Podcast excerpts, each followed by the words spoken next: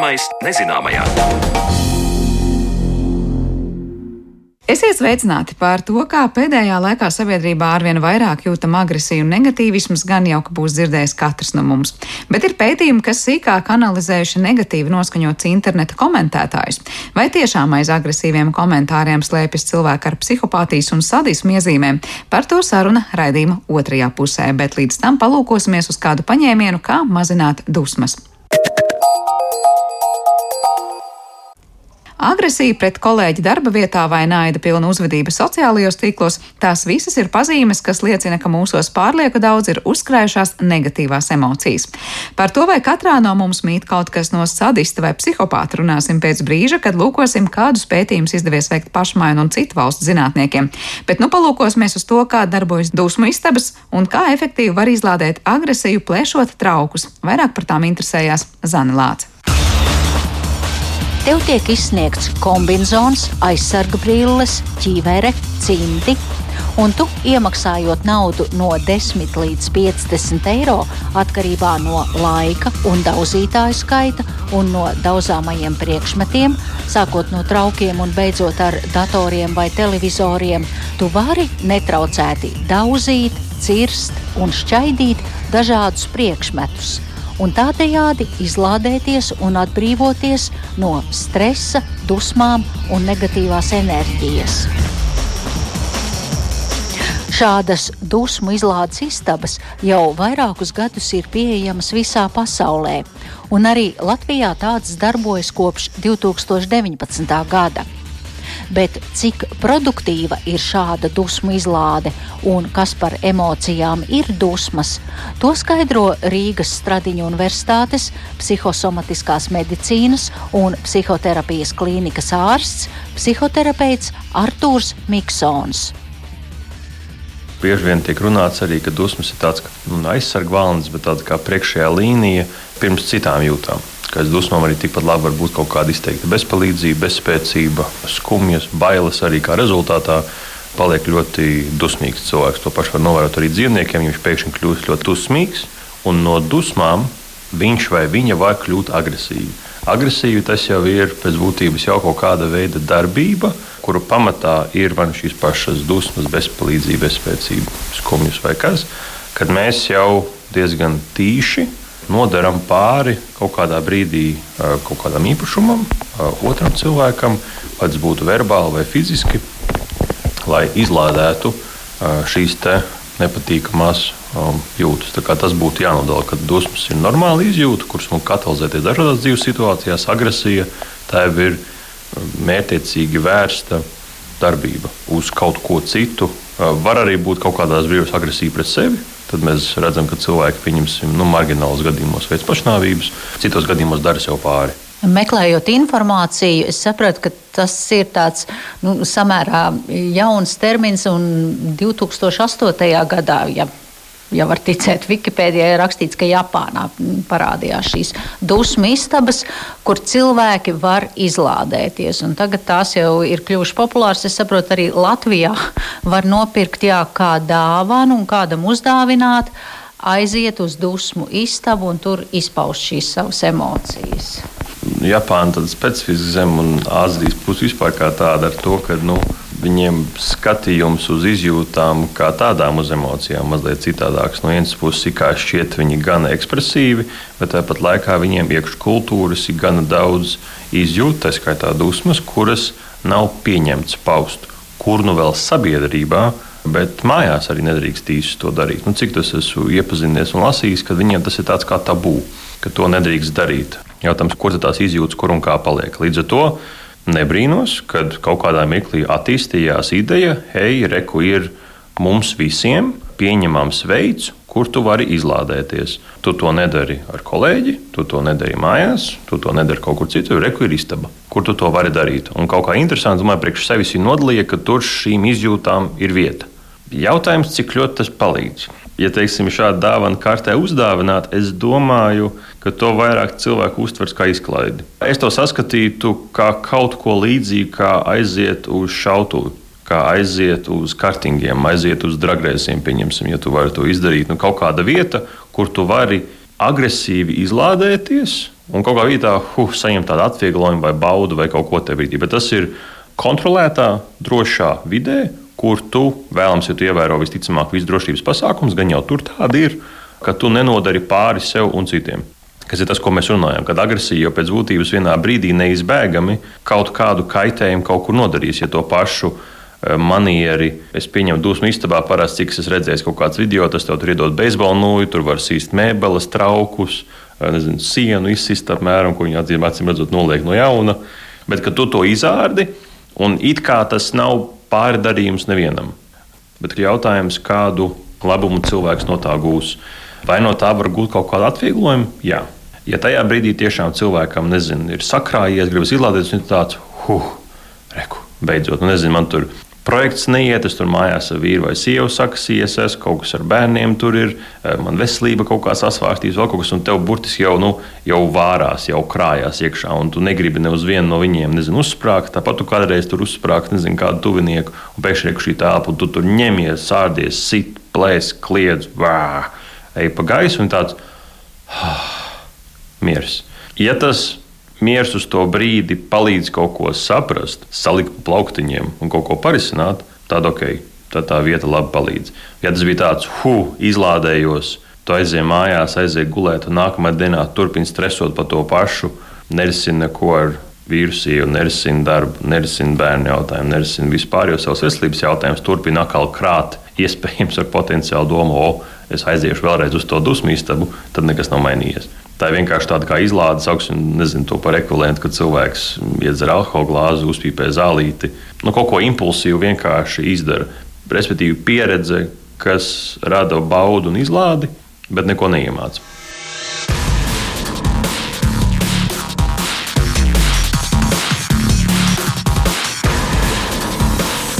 Problēma dziļāka visam šim ir, ka Es teikšu tā, ja tas ir kā papildinājums un kādā brīdī vienkārši mēs to izdarām, kā jau teicu, tas var palīdzēt.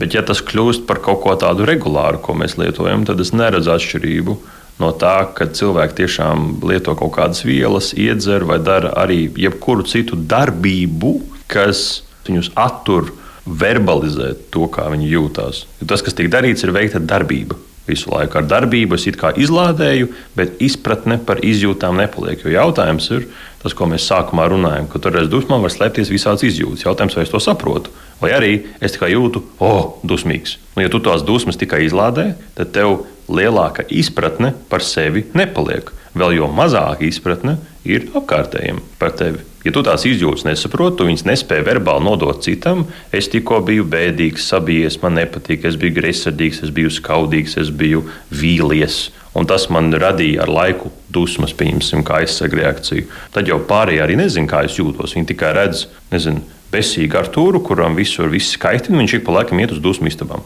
Bet izpratne viņiem par mani nerodas. Un es tāpat pats arvien vairāk dzīves situācijās nonākot, kas provocēs izjūtas kaut kādas man, turpināšu sajust tikai dusmas un neko citu. Man neskaitām daudz pacientu tādu ir, kas atnāk un teiksim, saka, pēdējā laikā, nezinu, es tur esmu kļuvis ļoti dusmīgs, un tas un šis ir noticis. Protams, gan daudz tur jau saistīts ar covid, ir, bet, eh, kad mēs sīkāk sākām pētīt, tur tik daudz dažādu slāņu parādās, kad kā viņi jūtās, nezinu, ģimenē ir viens, kā viņi jūtās darbā, ir kaut kas cits, ir lietas, kas pārklājās abās situācijās, bet bieži vien tur ir pilnīgi dažādas izjūtas.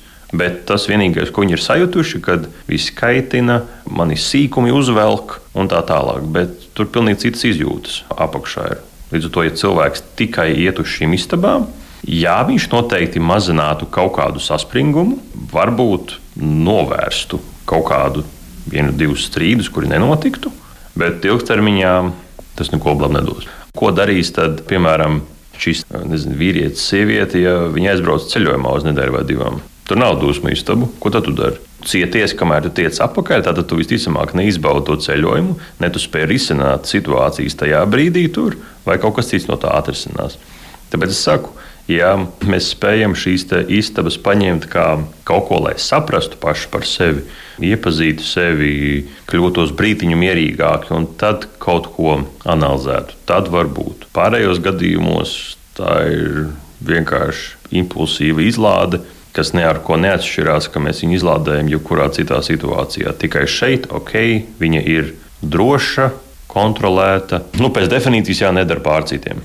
Speciālisti arī pacientiem kādreiz terapijā iesaka šādā veidā izlādēt dusmas dzirdēt šie varianti, nu, kad ir kā dusmas, reku mums ir uh, jāizlādē, reku mēs tur sitīsim spilvenu, mēs tur kaut ko darīsim, šādas lietas. Uh, par to var runāt, ja mēs runājam par maziem bērniem. Viņu gadījumā jā, var būt situācijas, kur viņi iespējams līdz galam, kad viņi vēl neprot izverbalizēt kā viņi jūtās, tad kaut kādā mirklī mēs varam viņiem teiksim, teikt, re, ka mēs varam sašķīkāt lapu ar melnu flamīti, re, ka mēs varam saplēst lapas stūrīti, mēs varam paņemt žņaukt to spilvenu, mēs varam vēl kaut ko darīt. Jo tādā veidā viņš vienkārši izspēlē kaut ko.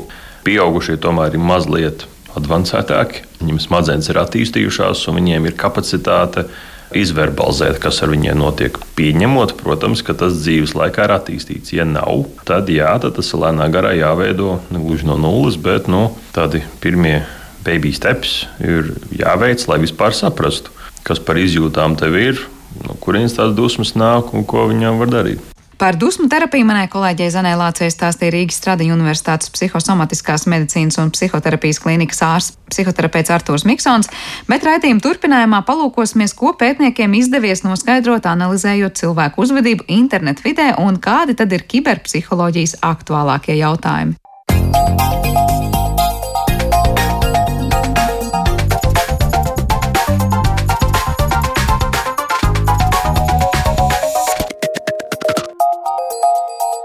Zināmais nezināmajā. Pēdējā laikā arvien vairāk nākas dzirdēt, ka sabiedrībā esam kļuvuši ne tikai neiecietīgāki, bet arī naidīgāki noskaņoti cits pret citu, un tas izpaužas ne tikai interneta vidē. Taču kopā ar naidu interneta komentāru sadaļā un vispār šajā komunikācijā ir izpētījuši zinātnieki. Tas ir jautājums, kam pievērsīsimies mūsu raidījuma atlikušajā daļā, kad esam mūsu attālinātajā studijā uz sarunu aicinājuši Latvijas Universitātes pedagoģijas, psiholoģijas un mākslas fakultātes lektori Laima Baldiņa. Sveika, Laima! Sveiki, ļoti patīkami! Es saprotu, ka šis ir tāds fenomens, par kuru mēs pēdējā laikā varbūt nedaudz vairāk kā citkārt esam runājuši, bet it kā jau liekas nekas jauns par to, kāpēc cilvēki, nezinu, internetu komentāru sadaļās mēdz uzvesties varbūt naidīgāk nekā nu, tādā reālajā dzīvē. Arī dažādas versijas ir izskanējušas. Pašai nācās atrast pētījumu, kur Polijā tika analizēta patiesībā konkrēti komentāru autori pēc tam, kad gana naidīgas runas tika tajos izplatītas. Es zinu, ka arī jums ir secinājumi gan par to, kā mēs Latvijā uzvedamies skatīties internetu vidē, gan arī par šo pētījumu. Sākšu ar to, vai pēdējais laiks, nu, es nezinu, laikam jau jā, piesaucam atkal šo Covid laiku un tos ierobežojumus, kas lika sabiedrībai, liekas, kļūt tādai varbūt neiecietīgākai. Ir interesants pētījumu laiks lūk, šajās pētījumu nozarēs un šajos virzienos. Es teiktu, ka viennozīmīgi, jā, šis tiešām ir būtisks jautājums, ko šobrīd pēta eh, tieši saistībā ar interneta agresiju eh, un vienlaikus arī saistībā ar visām šīm eh, noritošajām Covid diskusijām. Un tas tiešām ir labs, nu, paradoxālā ziņā, bet labs materiāls, lai būtu iespējams redzēt, kā šie konflikti attīstās un izpaužās virtuālajā vidē.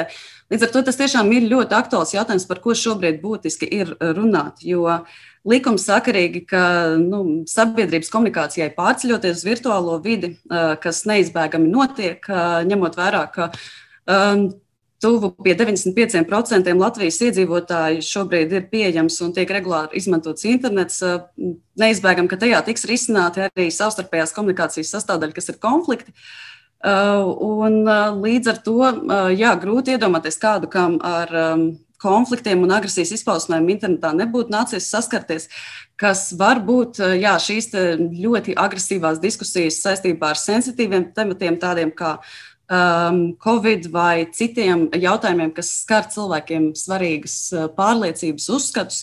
Bet tas var izpausties arī citādāk. Tas var izpausties arī kā agresīvi uzbrukumi, cilvēku apspiešana un tā dēvētais bulings pret citiem sociālajos mēdījos. Uh, Tie ir arī naidīgi komentāri ziņu portālos um, par visdažādākajām tēmām. Uh, un arī tā dēvētie internetu troļļi, kas ar savām ziņām mēģina provocēt emocionālas reakcijas no citiem cilvēkiem un turpināt kurināt šīs naidīgās diskusijas. Uh, līdz ar to es teiktu, ka um, mums kā pētniekiem šis ir būtisks jautājums, ko ne tikai ir interesanti šobrīd pētīt, bet ko ir arī nepieciešams pētīt, lai nebūtu tā, ka mēs kā sabiedrība šobrīd ejam uz priekšu um, tumsā un nezinot, kas tieši notiek ar mūsu savstarpējo komunikāciju, bet lai mēs to darītu informēti un zinātu, kas ir tās lietas, ar ko mēs saskaramies, kādēļ mēs, mēs ar tām saskaramies un ko mēs varam darīt lietas labāk. Jā, jo interneta komentārs negatīvs jau nav tā, ka tas paliek tikai interneta vidē. Ja no vienas puses, jā, tas varbūt ir uzrakstīts interneta vidē, bet tās reālās emocijas un varbūt naids jau, jau tiek uzkurināts sabiedrībā kā tādā. Eh, varbūt par to pētījumiem, kas notiek eh, šeit pat uz vietas, un kas līdz šim ir pētīts un kā to ir iespējams pētīt. Vai tas ir vienkārši vērot, kas notiek un secināt, jā, cilvēki ir naidīgi, bet droši vien, ka to mēs varam katrs pētnieki kaut ko vēl darīt šajā jautājumā. Mm -hmm. Šis ir ļoti labs jautājums, um, un es teiktu, ka uh, ļoti arī uh, aktuāls jautājums, par ko ir vērts domāt uh, gan mūsu vietējiem pētniekiem, un par ko jau domā krietni advancētāk pētnieki arī ārzemju universitātēs un institūcijās. Um, jāteic ar nožēlu, ka šobrīd pie mums Latvijā šāda veida pētījumi tiek veikti salīdzinoši reti. Es pati savulaik pirms vairākiem gadiem bakalaura um, darba laikā izstrādāju pētījumu, ar kuru mēģināju saprast, kas tad ir tie faktori, kas eh, var ietekmēt eh, tendenci atstāt negatīvus eh, komentārus internetā. Taču arī manas iepriekšējās literatūras izpētes laikā man nācās secināt, ka lielāko daļu darbu šobrīd veids tieši ārzemju pētnieki. Un jāteic, ka um, Jā, ar šo nodarbojas tas psiholoģijas novirziens, kas tiek dēvēts par kiberpsiholoģiju. Būtībā tas ir tas novirziens, kas mēģina kontekstualizēt sociālo psiholoģiju, proti, mūsu psihi un savstarpējo komunikāciju tieši virtuālajā vidē un saprast, kā šī vide izpauž mūsu psihiskas vajadzības un savstarpējo komunikāciju un kā iespējams arī to maina. Uh, un, um, protams, ka šis ir diezgan jauns lauciņš, um, un, un, tāda nopietna pētniecība šajā laukā ir um, attīstījusies pēdējo 20 gadu laikā. Taču ir jāteic, ka uh, šī pētniecība ir krietni gājusi uz priekšu un attīstījusies, un uh, ap šo brīdi mums jau ir nu, krietni labāka izpratne un skaidrība par to, kā mēs vispār varam sākt domāt par cilvēku psihi, informāciju tehnoloģiju laikmetā. Uh, Uh, un šeit jāteic, ka, um, protams, cilvēku psihi vienmēr bijis tāds ļoti komplicēts uh, jautājums, kur nekad nav viens pareizs atbildes un nekad nav viens kastīts, kurās var uh, iešķirot atbildes uz kaut kādiem jautājumiem, bet to vēl sarežģītāk padara šī miedarbība ar tehnoloģijām. Un no otras puses, šīs te tehnoloģijas padara iespējamu uh, šo procesu pētniecību daudz dažādos aspektos. Un, ja jūs jautājat par to, kā tieši šobrīd šī pētniecība notiek, ar kādiem paņēmieniem, tad patiesībā varam minēt ļoti daudzas dažādas metodes, dažas no tām klasiskas sociālo zinātņu un psiholoģijas pētniecības metodes, tādas kā organizēt eksperimenti, tādas kā korelatīvi pētījumi starp, piemēram, cilvēku kaut kādām raksturīpašībām un tendencēm atstāt negatīvus komentārus. Tas bieži var izpausties kaut kā tā, ka tiek, piemēram, atlasīti cilvēki, kas šādus negatīvus komentārus atstāja internetā, un tad viņiem šie pētnieki aizraksta un palūdz izpildīt, piemēram, kaut kādas anketas. Tas var noritēt tā, ka Um, mana bakalaura darba gadījumā, kad uh, tika um, stimulēts tāds uh, fóruma, um, tā, simulēta tāda fóruma vide, kurā cilvēki tika uzaicināti atstāt kaut kādu savu komentāru, um, vadoties uh, pēc uh, kaut kāda uh, stimula um, komentāra, un tad pēc tam viņiem palūdza aizpildīt dažādas um, uh, aptaujas, uh, un tad mēģināja saskatīt, uh, mēģinājām saskatīt kaut kādas saistības. Um, Un, taču mūsdienu vidē ir arī ļoti daudz tādas uh, unikālas um, iespējas, ko padara uh, reāls tieši šīs informācijas tehnoloģijas, kas ir piemēram um, ar dažādiem uh, algoritmiem un um, modeļiem mēģināt uh, izgūt no šiem cilvēku komentāriem uh, kaut kādas. Uh, emocionālās um, vērtības vai kaut kādus uh, viņu viedokļus, jā, nu, pielietot dažādus līdz ar to jau um, datora, jā, datorzinātnes un uh, tehnikas piedāvā tās iespējas, lai mēģinātu kaut kādā veidā apstrādāt to, ko sauc par big data, kas ir um, dažādi um, cilvēku atstātie pirkstu nospiedumi būtībā. Um, kā, kā tas notiek tieši labi? Viens ir aicināt cilvēkus aizpildīt anketu, kas no vienas puses jautājums, cik viņš būs atsaucīgs un godīgs to aizpildot. Mm -hmm. Bet kas notiek ar šiem lielajiem datiem? Tātad, eh, kādos tieši aspektos ir iespējams nu, savākt tādu kā, es nezinu, psiholoģisko portretu tā cilvēka vai kā?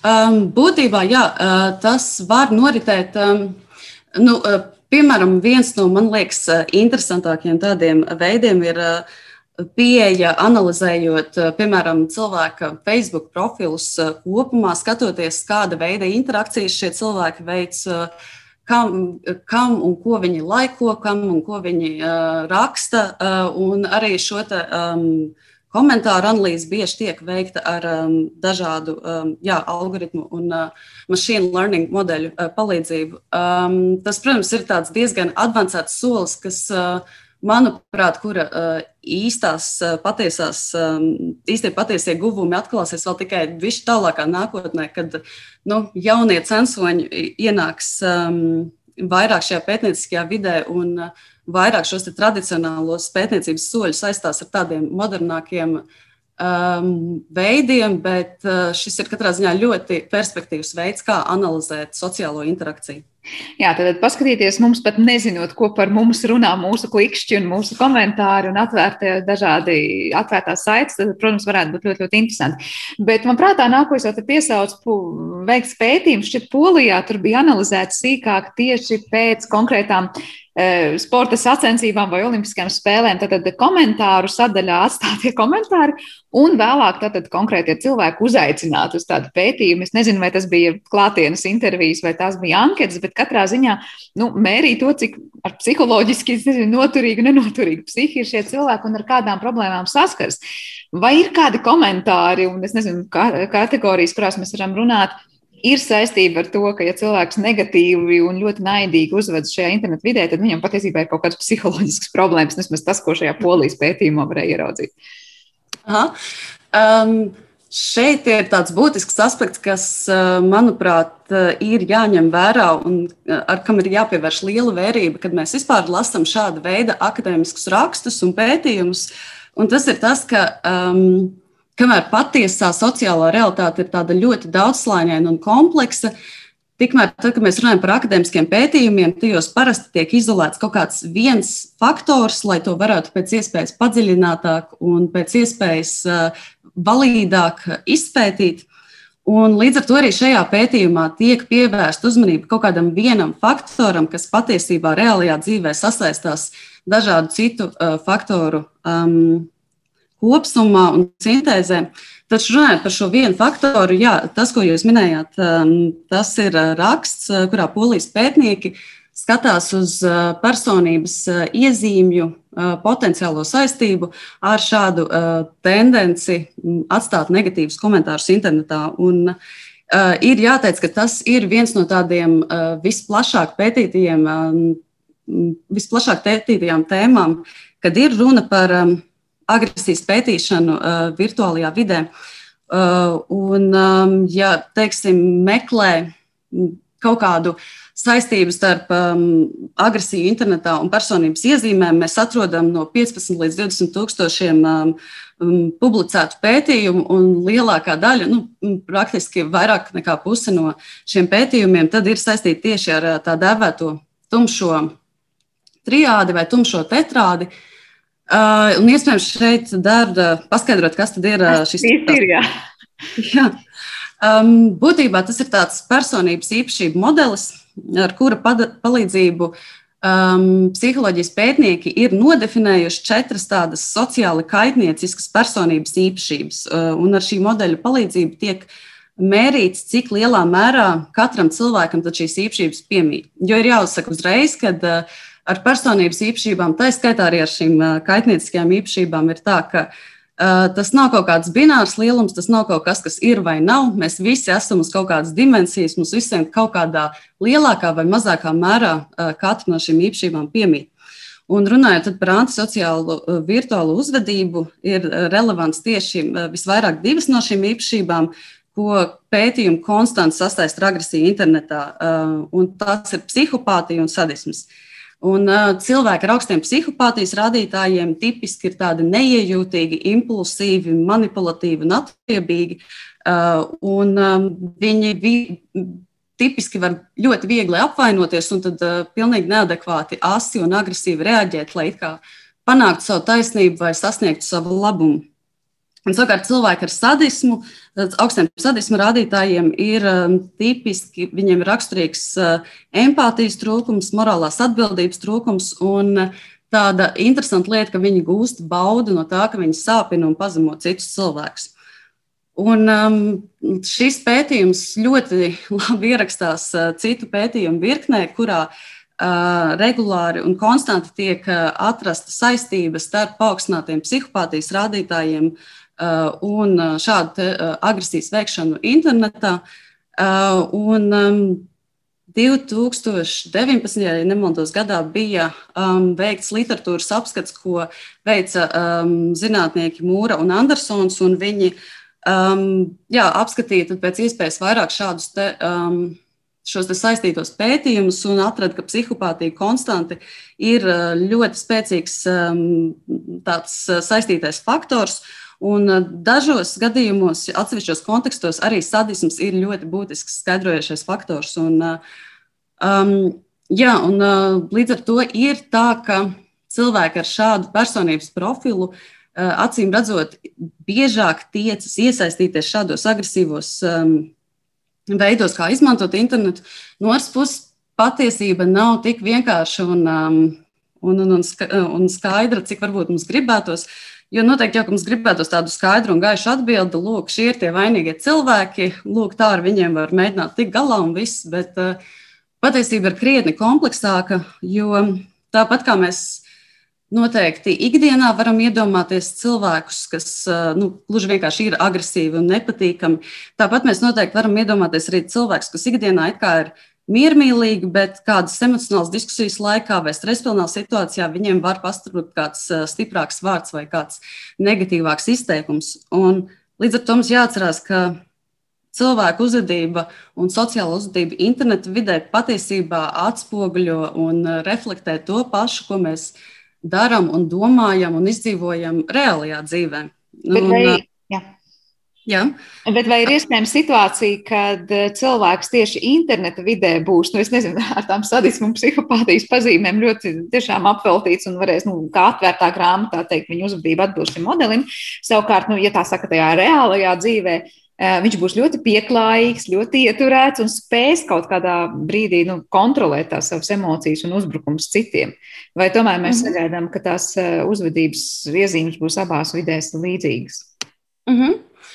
Uh, šis arī ir labs jautājums, jo um, atbilde uz uh, šo jautājumu ir divējāda. No vienas puses, uh, šīs te tumšās tetrādes, uh, tā skaitā psihopātijas un sadisma iezīmes, korelē ar dažādām negatīvām un sociāli kaitnieciskām rīcībām, ne tikai interneta vidē, bet arī, piemēram, darba vidē, arī interpersonālajās attiecībās. Un, šāda veida cilvēkiem ir tendence izturēties um, nu, jā, antisociāli daudzos dažādos kontekstos. Uh, un par to, vai viņi ir spējīgi vai vēlas uh, šādu uzvedību slēpt, uh, nu, tur atkal ir pilnīgi atsevišķa diskusija, kam, protams, uh, varētu šobrīd laika nepietikt, bet nu, kas arī ir atkarīgi no dažādiem citādiem faktoriem, tādiem kā um, nu, jā, izpratne par sociālajām normām vai um, spēju vispār ierobežot kaut kādus savus impulsus. No otras puses, ir jāatzīst, un šis ir uh, būtisks faktors pats par sevi, ka uh, virtuālā vide ir lielā mērā unikāla komunikatīva vide, kas um, piedāvā daudz tādas uh, iespējas un rada daudz tādas um, komunikatīvas īpašības, kas nav eksistējušas nekad uh, līdz šim pasaules vēsturē. Uh, Un tā skaitā tas ir līdz šim nepieredzētā iespēja saglabāt savu anonimitāti, izsakoties. Tā ir arī um, nu jā, tāda asinhronizācija um, ziņu apmaiņā, kas nozīmē, ka es, piemēram, varu iepazīstot savu ziņu šodien, un jūs man varat uz šo ziņu atbildēt rītdien. Uh, un treškārt, tāds ļoti, ļoti būtisks faktors ir arī tas, ka šādā uh, interneta komunikācijā uh, ļoti strauji pazūd dažādi ļoti būtiski fiziski mājiņi un signāli, no kuriem mēs ikdienā patiesībā nolasām ļoti daudz šī patiesā komunikācijas konteksta. Tur pazūd visi fiziskie žesti, visas sejas mīmikas un um, jā, dažādi citi kaut kādi mājiņi un elementi, um, kas mums traucē izdarīt uh, pilnīgs spriedums par to, kas ir tas cilvēks man pretī, ko viņš man saka. Un, uh, un, un kā pret to izturēties. Un līdz ar to ir arī viegli aizmirst, ka tur ekrāna otrā pusē patiesībā ir dzīves cilvēks, tāds pats kā es, eh, ka viņam arī ir savas eh, jūtas un domas un vajadzības. Eh, un ir vieglāk vienkārši aizmirst par to, ka tur ir tas cilvēks fokusēties uz savām vajadzībām, savām domām, un līdz ar to um, arī nepadomāt par to, ka nu, kaut kādā ziņā uh, jābūt kaut kādai iejūtībai un empātijai pret otru cilvēku. Jā, nu es iedomājos, ja tādā reālā komunikācijā mēs kaut kur jau pēc balss kaut vai nolasītu, ka mēs jūtam, ka mēs cilvēki esam nu, sāpinājuši vai aizvainojuši. Droši vien, ka kaut kāds signāls mums ieslēgtos teikt, ka varbūt nu, es pat traku runāju. Internet vidē laikam to varētu diezgan viegli nepamanīt un vienkārši izinterpretēt pa savam. Bet tas, ko jūs teicāt, ka mums katram piemīt, ja zināmā mērā viss tas, ko mēs ierakstām šajā sadismu psihopātijas sadaļā, proti jautājums tikai cik lielā mērā. Es pareizi saprotu, ka es nezinu, pēc kādiem kritērijiem mēs noteikti ir vai nav psihopātijas kaut kādas iezīmes, ka tas jebkuram veselam, psihiski veselam cilvēkam ir tikai jautājums, cik ļoti tas izpaužas un cik ļoti mēs spējam to nu, kontrolēt. Un es nezinu, neiz, neizpaust uz āru, kur nebūtu jāizpauž vai kāds jāsaprot. Um. Nu, mums jāsaprot, ka tad, kad mēs runājam piemēram, par, tādām, um, par tādiem psiholoģiskiem modeļiem, kā uh, personības īpašības vai personības īpašību modeļi, uh, Mēs runājam par kaut ko, ko psiholoģijas pētnieki ir kaut kādā ziņā teorētiski apvienojuši, saliekot kopā kaut kādus um, uzvedības, domāšanas, izjūtu un citus psihiskos patērnus, bet kas patiesībā um, nu, nav kaut kāda fundamentāla fiziska patiesība par cilvēku. Piemēram, kad mēs runājam par dažādām personības īpašībām, vai tā būtu psihopātija, vai tas būtu sadisms, vai arī tās būtu tradicionālās lielā piecinieka īpašības, kā ekstraversija vai, um, vai piemēram, um, um, jā, tur, apzinīgums.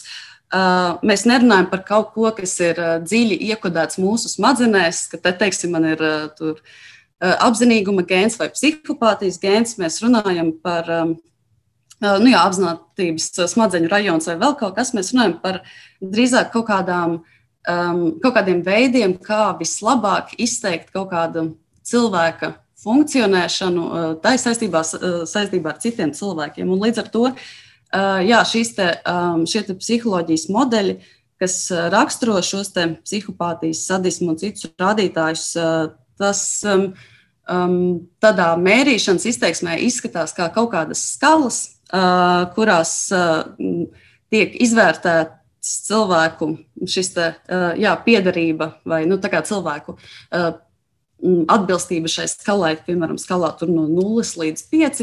Bet, um, jā, atbilstībā no tā, kā cilvēki atbild uz jautājumiem, tad viņi uz šīs dimensijas ir vai nu augstāk vai zemāk. Un, protams, ka viņi var būt pilnīgi uh, uz nulles, bet uh, tas nepasaka, teiksim, ja cilvēkam vērtējums uh, šajā skalā būs nulle, tas uh, nepateiks to, ka cilvēkam vispār nav nevienas pašas sadiskas uh, tendences. Um, Prātā tas vienkārši nozīmē, ka jā, šī modeļa ietvaros, izmērot uh, cilvēku, ja viņš ir godīgi atbildējis visiem jautājumiem, tad um, viņš salīdzinājumā ar citiem cilvēkiem nu, vērtēsies kā ļoti zemu šajā jautājumā, bet patiesībā tas ir ļoti dziļš jautājums, kas raksturojas, uh, nu, kas saistās ar uh, vispār tādiem jautājumiem, kā, nu, jā, kas ir kaut kādi morāls jautājumi un kā mēs pret tiem attiecamies, kā citi pret tiem attiecamies. Un, jā, tas iespējams nav tik viegli atbildams pusstundas laikā, bet nu, jā, katram no mums, protams, ir kaut kāda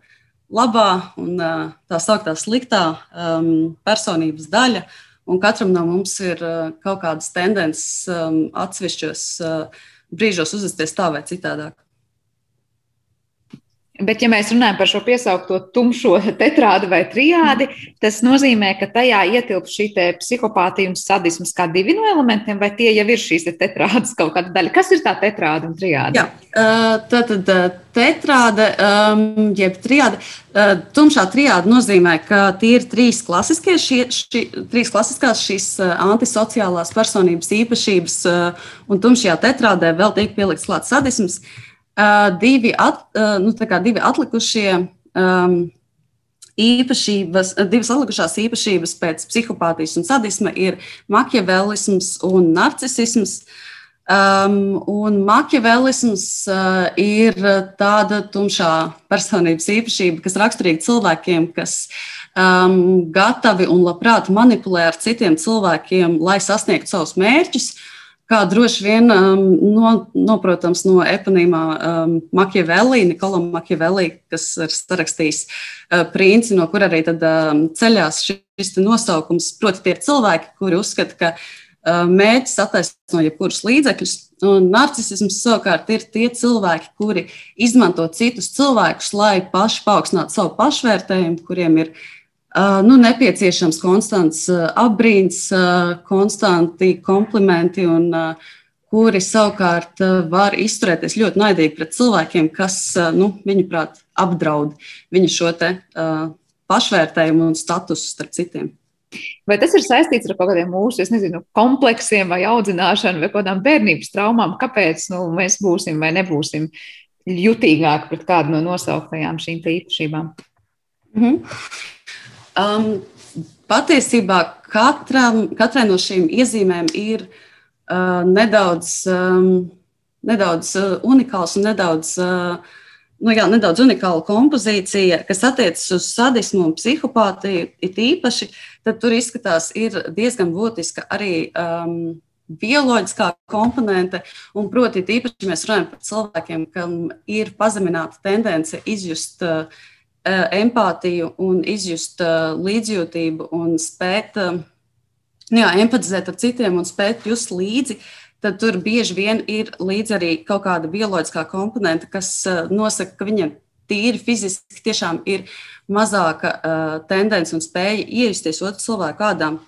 Uh, no otras puses, uh, jā, tas ir tāds um, būtisks, um, būtisks kombinācija ar uh, starp šiem dažādiem fiziskiem faktoriem un, protams, arī audzināšanas faktoriem un arī kultūrāliem sociālajiem faktoriem, kas noved pie tā, kur mēs kā cilvēks gal galā um, savā attīstības posmā esam.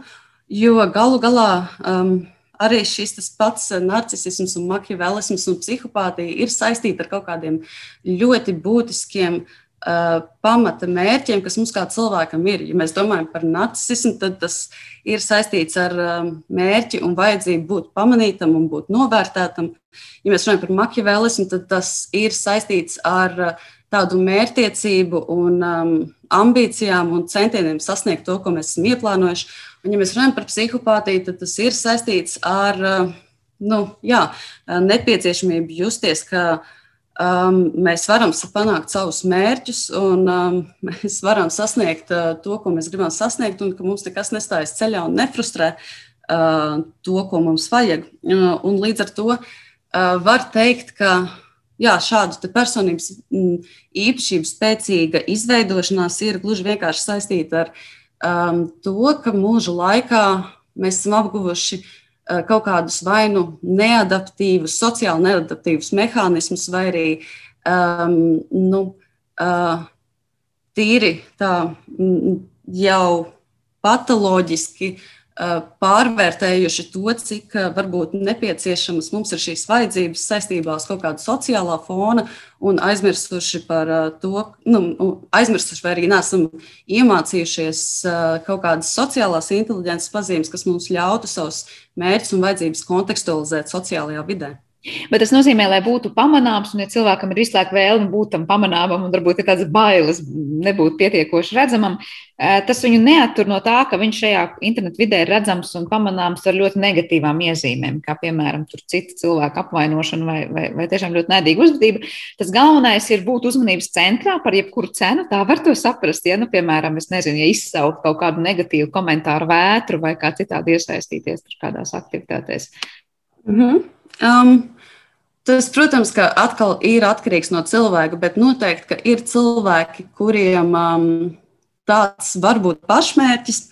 Uh, ir arī uh, atsevišķas sociālās psiholoģijas teorijas, kas uh, runā par to, ka, um, jā, ka ir, ir cilvēki, kuriem uh, šāda negatīva uzmanība vispār negatīva um, gan uzmanība, gan uzvedība kalpo par veidu, kā sevi aktualizēt un pierādīt. Uh, un proti, ir tie cilvēki, droši vien mums uh, var nākt prātā, kas vienmēr ir bijuši mums līdzās, kuriem um, tāds pēdējais uh, būtībā sauciens pēc uzmanības un um, sevis pierādīšanas tajā brīdī, kad tu vairs netici, ka tu spēj radīt, ir sākt sagraut. Uh, un um, tāpat arī par tiem cilvēkiem, kuri varbūt vairs nejūt, ka viņi spēj um, veidot kaut kādu konstruktīvu dialogu, izsaukt kaut kādu konstruktīvu uzmanību un um, kaut kādu um, pozitīvu veidu uzmanību no citiem. Iespējams, ka izsaukt negatīvu uzmanību vismaz ir joprojām kaut kāds nu, pierādījums, ka es joprojām eksistēju un spēju atstāt savu palieku um, un savu kaut kādu um, nospiedumu um, sociālajā vidē. Bet tas, protams, ir um, individuāls kaut kāds vienas sabiedrības grupas skaidrojušs modelis. Un, kā jau teicu, tas tiešām ir tāds komplekss jautājums. Agresija internetā ir ļoti komplekss jautājums, kam ir aizmugurē var stāvēt daudz dažādu faktoru. Līdz ar to šis ir tikai viens iespējamais skaidrojums kaut kādiem dažiem cilvēkiem, kas neattieksies uh, nebūt visiem. Ja. Uh, bet uh, noslēdzot šo sarunu, protams, ka droši vien nav veikts pētījums, kurā tad skatīts Latvijas, es nezinu, tipiskais komentētājs vai cilvēks internetā un viņa tās psiholoģiskais portrets veidots, bet pēc tādām nu, novērojumiem un sajūtām tās nosauktās četras lietas - tā psihopātija, sadisms, makiavelisms un narcisms Latvijas internetu vidē ir ļoti izplatīts, un kāds no tiem vairāk dominē jūsuprāt, vai kā, kā -hmm. jūs vērtējat tos Latvijas internetu vidas komentētājus? Um, man ir grūti uh, atbildēt tādu, par tādu um, tipisko, jeb visaptvarošo uh, Latvijas interneta lietotāju vidējo, jo Kā jau pati teicāt, tad, tad tiešām tāds visaptvarošs pētījums veikts nav. Man negribētos arī iziet no kaut kādiem anekdotāliem pētījumiem, anekdotāliem piemēriem, um, izsakot pārāk tālījošas secinājumus, bet tas, uz ko es varu balstīties, ir mans jau minētais bakalaura pētījums, kur es veicu šo te, negatīvo komentāru, ietekmējošo faktoru izpēti. Un jāteic, jā, ka tas Protams, ka nav nekas visaptverošs, eh, tomēr mm, dalībnieku skaits bija gana, eh, gana nozīmīgs, kas ir 200 cilvēki, lai varētu jau izteikt kaut kādu tendenci līmenī, kaut kādus secinājumus. Un, uh, tur tas būtiskākais secinājums bija tieši tāds, ka uh, viens no būtiskākajiem faktoriem, kas ietekmē to, vai tiek atstāta negatīva komentāra un kas atstāja šos negatīvos komentārus, ir tieši diskusijas tēma. Proti, eh, tajos gadījumos, kad diskusijas tēma bija sensitīva par kaut kādām cilvēkiem eh, būtiskām un eh, iespējams arī personīgi aizskarošām tēmām, tad, ehm, tad pirmkārt jau bija nozīmīgi vairāk šādu te, um, emocionāli piesātinātu negatīvu komentāru, un otrkārt, tos arī atstāja cita profila cilvēki. Tos atstāja uh, cilvēki, kas varbūt eh, mazāk izjūt tieši to izjusto um, sociālo klātbūtni. Um, savukārt, tajos gadījumos, kad tēma bija neitrāla, šajos gadījumos tos bija krietni lielāks pārsvars ar cilvēkiem, kas atstāja šos negatīvos komentārus, kam bija raksturīgas tieši šīs sadismu ietekmes. Un, um, mēs varam spriest, ka nu, iespējams, ka šajā, šādās emocionāli piesātinātās tēmās var iesaistīties daudz plašāka profila cilvēki no visiem dzīves gājumiem, bet savukārt, kad runa ir par negatīvām tēmām, un tur pēkšņi sāk kāds kaut ko super negatīvu, kad runa ir par neitrālām tēmām, un kāds super negatīvi kaut ko sāk komentēt, tad rodas jautājums, nu, kāpēc viņš to dara, un ļoti iespējams tieši tāpēc, lai sāpinātu. Nu, jā, savukārt, psihopātijas radījums skaidroja nozīmīgā līmenī abos šajos uh, variantos. Līdz ar to varam pieļaut, ka jā, šādi cilvēki vieglāk apvainojas un arī daudz asāk reaģē pie jebkuras uh, situācijas. Jā, nu skaidrs ir viens, ka kiberpsiholoģijai vēl daudz ko darīt un daudz jautājumu, par kuriem vajadzētu gan vairāk klausīties, gan vairāk jautāt, ir eh, noteikti aktuāli. Eh, paldies par šo sarunu un tādu nelielu ieskatu tajā, kā vispār var apzināt to, kāda ir mūsu uzvedība sociālajos tīklos un internetu vidē. Un dzirdējām Latvijas Universitātes pedagoģijas, psiholoģijas un mākslas fakultātes lektoru Laimu Baldiņu mūsu raidījuma zināmais nezināmajā attālinātajā studijā. Paldies jums visiem par klausīšanos un mēs tiekamies atkal rīt.